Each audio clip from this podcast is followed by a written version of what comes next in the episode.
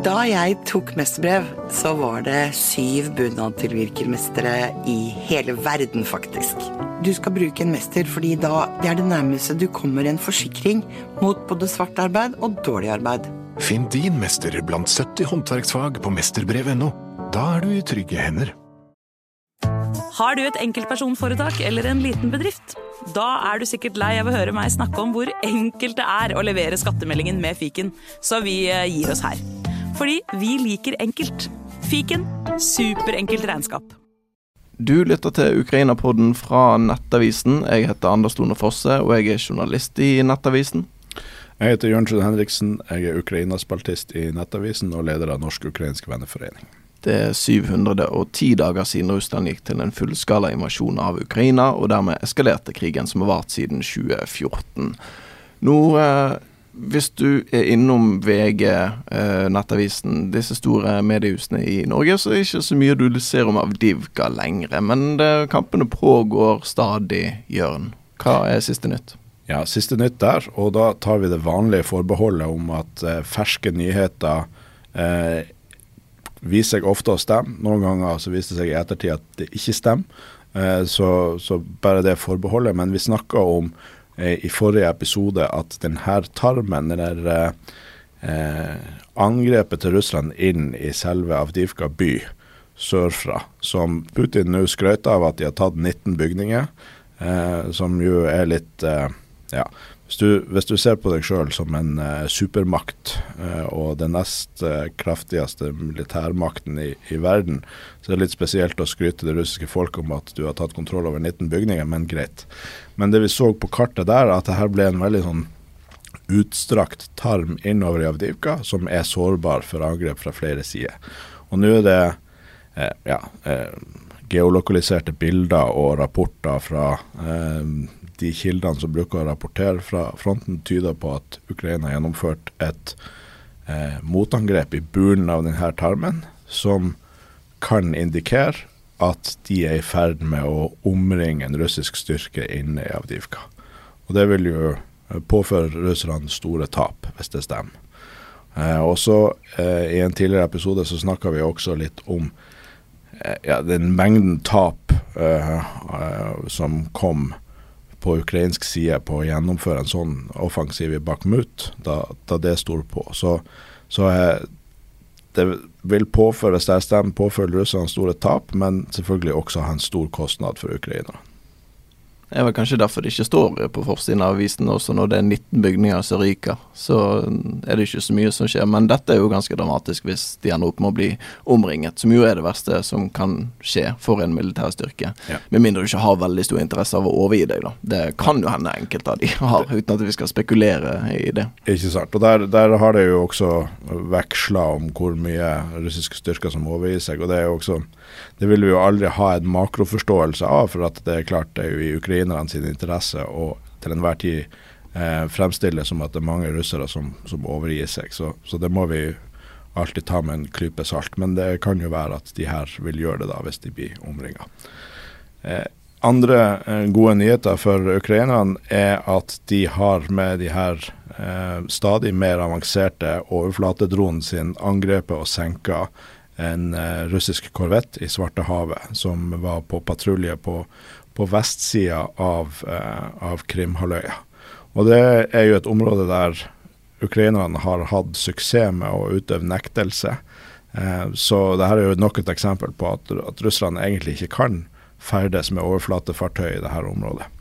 Denne korvetten er jo et gammelt fartøy, men det er et konsept som er ganske smart. Det er en ganske liten båt med store missiler. Sånn at eh, de båtene kan påføre fiendtlige eh, overflatefartøy enorme skader. Men eh, den ble truffet av flere sånne droner. Du ser på videoene at den første treffer de bakfra. Så er det en video fra en drone som treffer skutesida på samme sted som en drone har truffet tidligere. Og så er det også video av at skipet går ned. Og det her er ett av fem sånne korvetter som, eh, som eh, russerne hadde i Svartehavet, så de har mista 20% av korvettflåten sin. Og med en sånn oversikt over de tapene som Svartehavsflåten har hatt til nå, så har de tapt omtrent 20% av Svartehavsflåten. til nå i krigen mot en nasjon som ikke har egen marine. Så det som jeg antar var en eh, russisk bot på Twitter her som eh, gikk ut og sa at dette her kan være positivt for Russland fordi at disse skipene er ganske dyre å vedlikeholde. Mm. Så rent sånn økonomisk så er dette her eh, en god nyhet for Russland. Ja, så jeg tenker at det er en, en bot som eh, kanskje ikke skal søke seg jobb i kommunikasjonsnæringa når eh, krigen er over, for at da begynner du virkelig å skrape bøtta for å finne et bra narrativ eh, når det er positivt å miste eh, sjøforsvaret ditt. Andre ting som er verdt å nevne eh, fra fronten? Nei, ikke fra fronten. Da tror jeg vi har tatt det som har skjedd siden sist. Men jeg vil ha en shout-out til uh, Civita sin podkast Liberal halvtime. Uh, for der fikk jeg være gjest denne uka, og den episoden ble lagt ut i dag. det er en veldig hyggelig samtale med Erik Løkke, som har vært gjest i vår podkast om, eh, om, situasjonen i krigen og hvorfor Norge burde gjøre mer. Du må løpe om eh, få minutter, så da tenker jeg du skal få lov å stille et spørsmål til eh, vår gjest Håkon Asak. Du er oberstløytnant og medisinsk ansvarlig for luftevakueringen i Forsvarets sanitet. Velkommen til oss. Tusen takk. Jørn, hva, nå har vi denne mannen i, i studio ved din side. Eh, en mann som jobber med å evakuere ukrainske soldater ut fra eh, krigsområdene. Ja, Når jeg bare rekker et spørsmål, så lurer jeg jo på litt det, det menneskelige. Altså, du er jo eh, du jobber i Forsvaret sjøl, er oberstløytnant, og jobben din er å være forberedt på at, å holde Norge trygt hvis vi blir trua. Hvordan er det da å se på nært hold de som, som er i den situasjonen, og som er blitt fysisk skadd i å forsvare landet sitt? Det er klart at Vi har en uh, gjeng med helsepersonell på beredskap som er veldig godt erfarne, godt voksne folk. og Det gjelder jo også oss fast ansatte. så det er klart at Vi har en god ballast både fra flere utenlandsoppdrag før og sånn.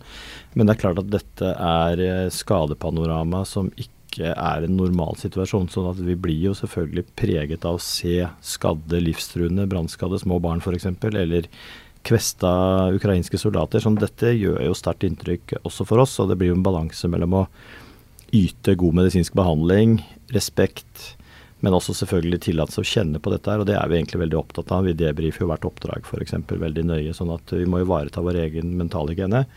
Men det er klart at det vi ser her, er eh, kjempealvorlige eh, kvestelser av en ung, og, altså en både ung og eldre befolkning som som er annerledes enn det vi har sett før i andre typer oppdrag.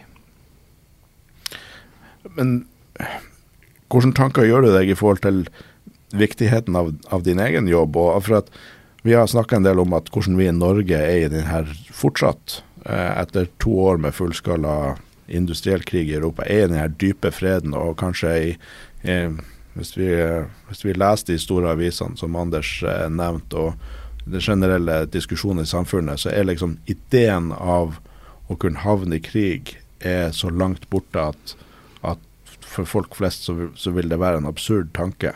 Eh, føler du at det blir mer akutt på kroppen din at det er noe som kan skje også med Norge?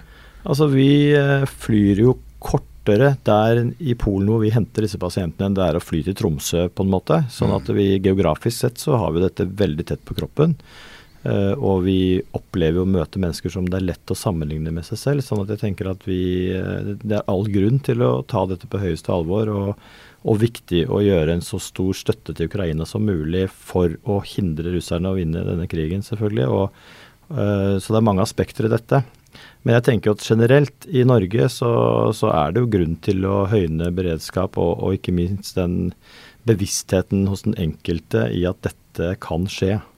Det skal ikke mye til i Oslos gater av snø og kulde før vi får store logistikkproblemer, så det, da kan man også undre seg når andre krefter trår til, hva gjør det med et samfunn? Så, så jeg syns det er på høy tid at vi tar dette inn over oss uh, et par hakk til enn der vi allerede er da. Det er jo ikke lenge siden jeg tror Aftenposten som meldte det at togene i Ukraina de var mer presise enn her i Norge. Så det er absolutt noe å, å gå på der. Apropos gå, du må taske av gårde, Jan. Takk for nå. Takk for at du er her.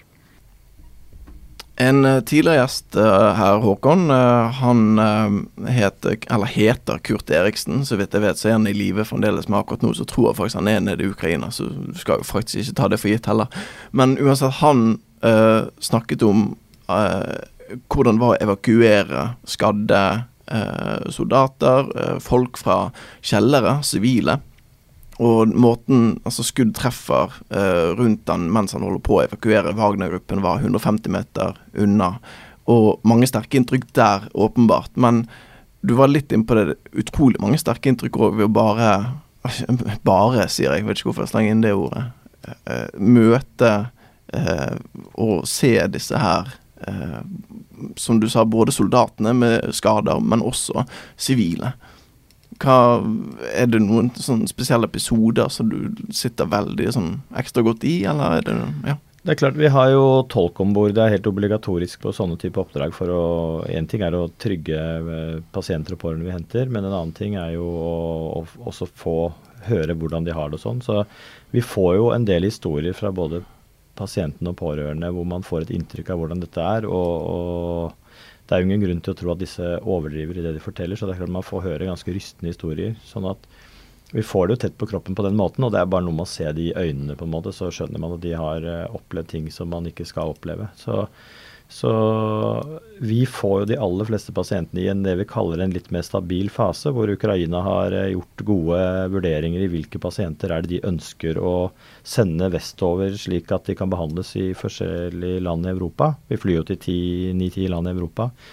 Eh, der gjør de gode vurderinger, men det hender jo at vi får pasienter om bord eh, som er eh, ikke i en stabil fase, spesielt ganske ferske brannskader som er kritiske. og de, Da får man jo det også mer sånn rent medisinsk og på kroppen at dette her er jo litt på liv og død, på en måte. Men, men i utgangspunktet vil jeg si at Ukraina en ting er at de gjør veldig gode behandlinger av de pasientene vi får. Flere av de pasientene vi har tatt imot. Eh, kan man jo undres at de har fått til å overleve i det hele tatt. Jeg har gått gjennom stort sett alle de journalene, og, og det må jeg innrømme at det er ikke rent lite imponerende det de gjør. Det jeg tror vi kan hjelpe dem med, er å eh, Eller vi, da mener jeg altså vestlige land som tar imot pasientene. Det er på en måte å uh, fortsette langvarig kirurgi og, og infeksjonsbehandling for disse pasientene. For det er veldig ressurskrevende pasienter som vil frigjøre sykehussengene i Ukraina, som gjør at de kan ta imot nye skadepasienter hver dag. Eh, og så kjenner vi jo selvfølgelig folk i Ukraina som eh, også er på fronten og henter disse pasientene. Vi får jo også historiene derifra. I litt mindre grad kanskje, men, men, det er jo lett å se for seg at de har en veldig, veldig ekstrem eh, jobb. Det, og, og de har veldig lange evakueringsakser i et land som ikke har luftherredømme, som vi er litt vant til fra før, hvor alt må gå langs bakken, enten langs en pickup eller en lastebil eller et tog, som er veldig vanlig i Ukraina. Eh, så det er lett å tenke seg at dette er eh, svært krevende å stå i. da. Så grunnen til at dere trer inn, er jo Du var litt inne på det, det handler om belastning. Men er det andre faktorer som spiller inn? Altså, har, har de ikke riktig type kompetanse i Ukraina? Jeg, jeg, vil si at det vi har sett så langt, er at uh, så å si uten unntak så har de kompetansen. Men de er i en ekstremsituasjon hvor de blir uh, det vi kaller dekompensert. Altså at de, altså tilførselen av uh, pasienter er større enn man klarer å håndtere, for å sette det litt på spissen. Selv om, selv om de håndterer det godt, så er det klart at Og initialbehandling, altså akuttkirurgi, virker det som de har veldig god kontroll på. Og, og samtidig erkjenner de at disse pasientene som f.eks. har flere amputasjoner eller veldig omfattende brannskade f.eks., de vil være sykehustrengende i lang, lang tid og trenger kanskje daglig kirurgi i uker og kanskje måneder. og Det er klart at det er pasienter som det er viktig at kan få i hvert fall tilsvarende behandling andre steder. Eh, det er greit å si, men jeg, tenker vi har ikke opplevd at de flytter pasientene fordi de tenker ikke de kan håndtere de rent medisinsk selv. Men de er ikke i uh, nærheten av en normalsituasjon. Mm. Og da blir det da blir det på den måten. Og du nevnte også det med luftherredømme, som jo uh, Ukraina ikke har. Og, så, for Det er jo ikke sånn at dere flyr inn til Avdivka og plukker de opp der. Det er det jo ikke. Nei, vi flyr jo til en, eh, en by sydøst, uh, veldig nærme grensen i Polen ukentlig, og henter pasienter som Ukraina transporterer selv langs vei over grensen. Uh, enten direkte til oss, eller at de går via et, uh, et, et, stoppested som er i nærheten av flyplassen. Litt avhengig av pasientens tilstand. Der gjør de også gode vurderinger, syns jeg. At uh, noen pasienter kan godt tåle et stopp et døgn uten sykehus, mens de alvorlig skadepasientene bør ha kortest mulig opphold fra en spesialisert sykehusavdeling til neste sykehusavdeling som vi leverer det til rundt i Europa og Norge. da. Ja, Du nevnte, før vi trykket på opptak her, så nevnte du en melkerute som jeg ikke har hørt maken til. Nei, altså vi flyr jo eh, til veldig mange destinasjoner i Europa. Denne uken som et eksempel så fløy vi tirsdag morgen ned til eh, Polen og hentet pasienter som vi fløy til eh, Leipzig, Nürnberg og Hamburg i Tyskland, hvor vi da sov over med hele crewet, både altså felles crew. Og så fløy vi tilbake til Polen torsdag morgen hentet flere pasienter og fløy de til eh, via Danmark og Finland og hjem til Norge. Så det er ikke så uvanlig flyprogram det, egentlig. Men Hvorfor tar dere ikke alle pasientene på det første sykehuset, f.eks.? Ja, det, er, det her er veldig krevende pasienter. sånn at eh, det er et nøye system hvor Ukraina ber EU om støtte, så går, det, går, dette en slags request til europeiske land som kan gå inn og se hvilke enkelte pasienter de tenker at de kan tilby den beste behandlingen til. Og så blir dette satt opp som et slags hva skal vi kalle det et flyprogram. Men altså det, er en, det, er jo en, omfattende logistikkoperasjon det vi driver med. sånn at da legges det en plan uka før hvor og, og, samtidig må det også samsvare med at ikke det ikke blir altfor mange flygninger som må være et visst antall pasienter til hver destinasjon. sånn at uh, Sånn at man får en fornuftig fordeling. Eh, vi har f.eks. flydd en egen flight eh, et par ganger til Kroatia, hvor alle om bord skulle til Kroatia. Eh, det har nok gjort store Fått en del konsekvenser rent sånn ressursmessig i Kroatia, tror jeg. Men de fleste land tar imot mellom fire og ti pasienter kanskje per tur, da. Mm. Dette høres jo ikke helt ut som en sånn 37,5 time i uken arbeidsuke, dette.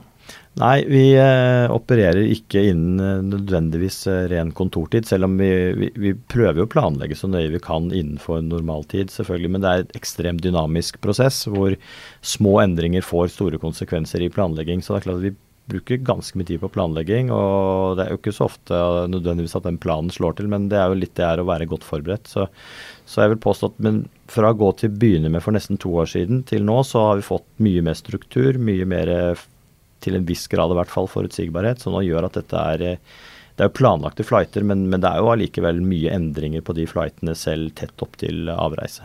Mm. Jeg mener jeg leste sted at uh, disse arbeidstidsbestemmelsene at det var, kunne være et hinder. Vi har opplevd en del utfordringer uh, ved uh, hvordan man skal håndtere arbeidsmiljølov opp mot det oppdraget vi driver med. og, og så det har vært visse utfordringer. Jeg føler at vi har kanskje kommet et stykke videre på dette, men, men er, vi har jo egentlig ikke et godt regelverk som ivaretar hvordan man skal gjøre dette. Vi opplever jo at vi gjør en komplisert operasjon ukentlig som krever mye innsats, mye planlegging, og det er en viktig funksjon.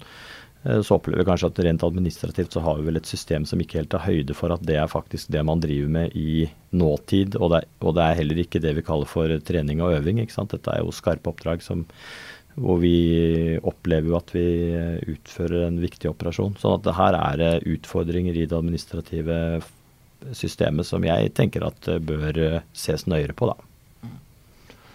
I dag så lå eh, Jonas Gahr Støre og regjeringen frem sin eh, stortingsmelding for Nansen-programmet. Eh, det er forresten derfor Tormod, som vanligvis er programleder i denne podkasten, ikke er her i dag fordi at han var på pressekonferansen. Men der ga de da oversikt over de 75 milliardene kronene som Norge har lovet i støtte til Ukraina. Og en liten del av dette her er jo det som finansierer denne luftevakueringen.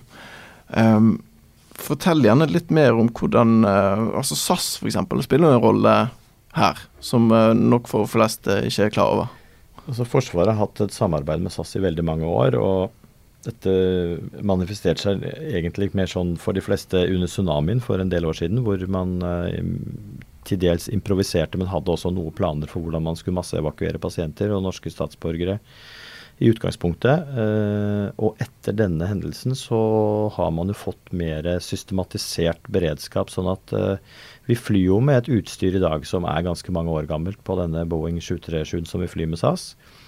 Eh, I og med at oppdragets art er som det er nå, vi flyr jo ukentlig, så står den eh, SAS-maskinen, som for øvrig er den eneste 737-en igjen til SAS sin park, en, eh, i en hangar, og brukes uh, utelukkende for dette formål, altså Medivac. Uh, og SAS har jo eget selektert personell som de bruker på disse spesifikke flygningene. Sånn at de er en liten pool mennesker, og vi er en liten pool mennesker, så vi blir jo en liten familie og møtes jo ofte løser oppdrag, felles debrief, felles oppdrags, oppdragsforståelse. Så jeg tenker at dette er en De ser nok på det som en viktig samfunnsoppgave, og det er det jo åpenbart. Men det er også Hadde jo ikke vært mulig å få til på annet vis på en sånn type kapasitet. Vi har jo også mulighet til å bruke Forsvarets egne transportfly, som vi også har brukt i flere andre typer oppdrag, også des, disse oppdragene. Men jeg vil jo fremheve det sivilmilitære samarbeidet som finnes på dette type oppdrag, er jo eh, oppleves som egentlig knirkefritt. Og det er jo noe jeg tenker man kunne trukket paralleller til i andre deler av samfunnet, også i den situasjonen vi står i. Vi er jo opptatt av totalforsvaret og hente ut det beste av det vi har av ressurser. og Jeg mener at dette er et veldig godt eksempel på det. Og Der er SAS en sentral aktør. Så jobber vi tett sammen med Helsedirektoratet. Vi jobber tett sammen med Oslo universitetssykehus, som har en koordinerende rolle for pasientmottaket i Norge bl.a. Eh, tett på Forsvarets operative hovedkvarter, som vi er direkte underlagt under oppdrag. Det er, og det er mange gode samarbeidspartnere i dette oppdraget. DSB er også en, liksom, linken inn mot EU på dette. da. 22.2.2020 eh, så går eh, Russland til nei, 2022 går full, eh, Russland til fullskala invasjon av Ukraina. Skjønner du med en gang at her må jeg på jobb?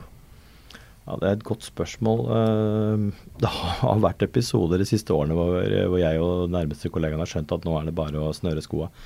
Det tok jo ikke mer enn en liten måned faktisk fra denne fullskalainvasjonen i februar, som du sier, eh, kom, til vi hadde eh, en eh, improvisert medisinsk evakuering fra Polen med et team fra vår gjeng. Sånn at svaret er jo egentlig ja. At man skjønner jo at når dette drar seg til, så, så vil det være behov. Dette er jo en ressurs vi har som er veldig begrensa i Europa spesielt på sivil side. Det finnes jo en del militære medisinske evakueringsplattformer, men på sivil side så er det jo ikke veldig mye på, av denne type dimensjon vi har. Vi kan jo frykte inntil nesten 20 liggende og Vi har 40 seter, at vi har jo ganske stor kapasitet. Um, men det finnes jo mindre ambulansefly som kan ta én til to pasienter og sånn, selvfølgelig. Men det er klart, en så stort uh, omfang så vil det jo gjøre en større forskjell å kunne flytte flere om gangen. Så er jeg på VG eh, her, som har skrevet en artikkel om det arbeidet dere gjør. og Der sitter det altså en fyr, en ukrainer, 40 eh, år gammel ukrainer, i en Liverpool-T-skjorte. Og det det menneskeliggjør det hele. altså Dette er helt vanlige folk som levde et helt vanlig liv, og så blir altså hverdagen bare snudd totalt på hodet. Uh, jeg vet ikke hvor mye du kommuniserer med disse når de sitter der, og du, du har jo hundre ting å tenke på. Men får du det Får man pratet om den type ting i det hele tatt? Hvordan hele livet bare endrer seg fra en dag til en annen? Dette syns jeg er et viktig aspekt med et sånn type oppdrag. Eh, og vi har som sagt tolk med, som gjør eh, Det er en game changer, rett og slett, å ha en eh, profesjonell tolk på et sånt oppdrag, som gjør Eh, både det er mulig at vi kan jo selvfølgelig fange opp ting eh, av rent medisinsk viktige ting fort, men eh, også det at du kan få historie og en mer innsikt. Så, så ja, det er lett å kjenne seg igjen i, i disse menneskene. De har jo levd på mange måter ganske like liv som oss, og det er som sagt nærme. Så jeg syns jo at det er lett gjenkjennbart, da. Du har jo vært flere steder. Eh, bare altså, I fjor på den tiden så var du i Tyrkia og drev med livreddende arbeid der i forbindelse med det store jordskjelvet. Men er det noe som skiller Ukraina fra andre katastrofer du jobber med, eller er det veldig mye som er likt? Vi var jo, som du sier, i Tyrkia i forbindelse med jordskjelvet i februar to uker i fjor, hvor dette var jo egentlig en Nato-request, hvor Tyrkia ba Nato om bistand, hvor vi fløy masse pasienter eh, fra øst mot vest i Tyrkia, internt i Tyrkia. det er jo på en måte alvorlige skader som er forårsaket av naturkatastrofer. Det vi har opplevd tidligere i f.eks. Afghanistan, hvor vi har vært i ganske mange år, der var det jo mye skader, enten rene skuddskader eller også en del improviserte veibomber som, eh, som selvfølgelig ska, skaper veldig alvorlige og dødelige skader. Men det vi ser nå er annerledes. Eh, det er fortsatt mye amputasjoner, men det er også litt sånn kombinasjon artilleri, brann, Eh, så jeg mener bevisst at det her er eh, litt annerledes enn det vi eh, har sett før rent sånn objektivt. Men det er klart at det påvirker deg nok også rent mentalt at vi opererer geografisk, som sagt, veldig nære der vi jo er vant til å trives. Og vi lander jo i et Nato-land veldig nærme krigen, hvor på en måte livet går sin vante gang, men på en annen side så er det jo masse militær tilstedeværelse. Det er mye logistikk som foregår. Det er mye mye våpensystemer som minner deg på at eh, nå er vi nærme krigen. Så jeg tenker at det vi driver med i Ukraina er annerledes på veldig mange måter. Og er det et eller annet òg med at det er mennesker som står bak det? At det ikke er en naturkatastrofe som ingen kunne forutsett, men det ligger mennesker bak disse skadene? Ja, jeg er helt uh, åpenbart at det gjør en forskjell. Uh, fordi det er ikke så veldig komplisert man skal tenke for å skjønne at dette er jo faktisk påført med viten og vilje. Mens en naturkatastrofe er jo for den enkelte forferdelig, selvfølgelig. Men, men det er klart at et jordskjelv skjer, det er jo noe som, som, skjer og skjer. Mens det at man dreper folk og bomber folk og utsetter de for handlinger som uh, man ikke skal, føles jo ekstra meningsløst. Og derfor blir det ekstra meningsfullt. å, å kunne bistå de i å gjøre dette her. og Det, det skulle bare mangle at ikke Europa og Nato gjør den innsatsen man gjør. Ser jo ofte i forbindelse med eh, gjennomførte angrep fra russisk side som ganske ofte treffer boligblokker f.eks. Så går de ut i ettertid og så sier de alle mål ble truffet, eller alle, all oppdraget vi skulle utføre, er utført. Det er fullført det må jo vekke et eller annet i deg som, eh, som menneske òg. Ja, det gjør det helt klart. Og så er det klart at man, eh, det er en natur i, i, kriger at man får også forskjellig type informasjon, så man må jo selvfølgelig ha evnen til å selektere det. Men vi ser disse menneskene i øya og hører deres historier. Og det er jo så langt ingen grunn til å betvile at det de beskriver og opplever er reelt i høyeste grad. Sånn at uh, man får, uh, får, krigens alvor veldig tett på kroppen. Må si det, altså. At vi, vi føler at vi gjør et uh, viktig bidrag i å, å, å, flytte den enkelte pasient, fordi det her betyr veldig mye for den enkelte pasient og den pårørende. Men det aller viktigste her er, i et litt større bilde er selvfølgelig at man uh, hjelper Ukraina å vinne krigen, og, og avlaste et helsevesen som trenger å være på alerten for hele tiden å behandle nye skader som kommer hele tiden. ja. Du har jo uh, fritid òg, uh, eh, håper jeg i hvert fall. Uh, klarer du å legge fra deg jobben når du har fri? Jeg føler at jeg er blitt flinkere i de senere årene enn tidligere i å gjøre det. Og, og, det kan jo høres litt sånn kynisk ut, men jeg er jo på en måte skrudd sammen slik at jeg er veldig påskrudd når jeg gjør det jeg gjør. Men jeg er også glad i fritid og gjøre helt andre enkle ting. Og stå på ski og gå på kino eller gjøre andre ting. Sånn at skal man stå i en sånn situasjon over lang tid, eh, så er man nok nødt til å mentalt være litt obs på dette. At man ikke hele tiden går i den bobla. Men det er jo ikke til å underkjenne at man blir jo preget av det. Og det må jo si at jeg blir jo påminnet dette hver dag. Ja, du sa kino. Det har jo kommet veldig mange krigsfilmer fra andre verdenskrig eh, de siste par årene. Er det noe du ser på? Absolutt. Jeg har uh, to barn som jeg tenker er naturlig at også får med seg i Norges historie. Og den er jo ikke noe Spesielt andre verdenskrigshistorie er jo ikke noe mindre viktig å kunne om i dag som, uh, som, tidligere. Så jeg ser på det som en helt naturlig del av oppdragelsen for mine barn. Å få et inntrykk av hvordan dette har vært, og at vi faktisk lever i et samfunn hvor dette er en pågående problematikk.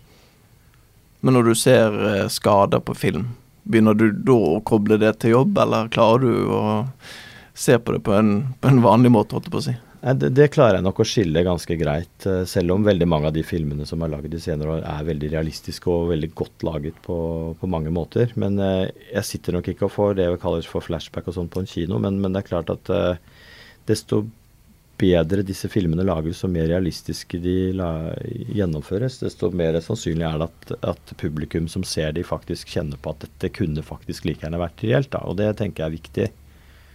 Mm. Hvis vi prøver å se litt framover um, her nå um, Mange spekulerer jo at dette kan bli en lang krig. Uh, Ukraina har jo, uh, om man skal kalle det tips, men de har i hvert fall fått signaler om at kanskje det er lurt å ikke kjøre en offensiv i år, men heller holde de linjene som man har, og grave seg litt ned og, og den type beskjeder. Så det, det, tyder jo på at dette blir en lang krig. Når du ser sånne meldinger, hva tenker du da? Nei, For det første så tenker jeg at det er realistisk at dette er en krig som kommer til å vare. Eh, alle ønsker jo at dette skal gå fort over, selvfølgelig. Det er jo åpenbart. Men eh, jeg eh, tolker det også sånn at dette er noe som kan eh, vedvare lenge. Og vi har på en måte rusta oss for det både på tanke på personell, utstyr. At dette er noe vi må kunne stå i over lang tid. Og det er litt av hensikten med det vi gjør også. At dette er, dette er ikke et kort, dette er ikke ett ukes oppdrag. Dette er altså sannsynligvis mange års oppdrag. Og nå har vi jo flydd 100 oppdrag. og og vi har til og med gjennomført oppdrag i Ukraina mens vi parallelt løste eller bidro til å evakuere jordskjelvrammede i Tyrkia i fjor, som vi snakket om. Sånn at det er en balanse å ha nok ressurser som kan stå over lang tid, men samtidig så kreves det også en spesialkompetanse som man er nødt til å ivareta både på disse oppdragene, og ikke minst at dette helsepersonellet holder på sine vanlige jobber rundt i helsevesenet i Norge til daglig. sånn at uh, og alle er nok veldig innstilt og ikke minst motivert for at dette er noe vi skal holde på med så lenge det er nødvendig. Og det er det andre som må bestemme hvor lenge det er nødvendig. Men vi er forberedt på det. Og så er det jo en tilføring. Jeg nevnte vi flyr jo en litt eldre 737 fra SAS, og vi jobber jo også parallelt med et nytt fly med nytt utstyr og nye konfigurasjoner. Sånn at vi er jo på en måte Vi holder på med det vi holder på med, men vi ser også inn i kula i den grad det er mulig, og tenker hvordan vi bør ruste oss fremover for å best mulig kunne løse de oppdragene vi ser, da. Uten at man nødvendigvis låser seg veldig på hvordan disse ukentlige oppdragene er. For det betyr jo ikke at det er det samme måten å løse oppdrag på om ett og to og tre år.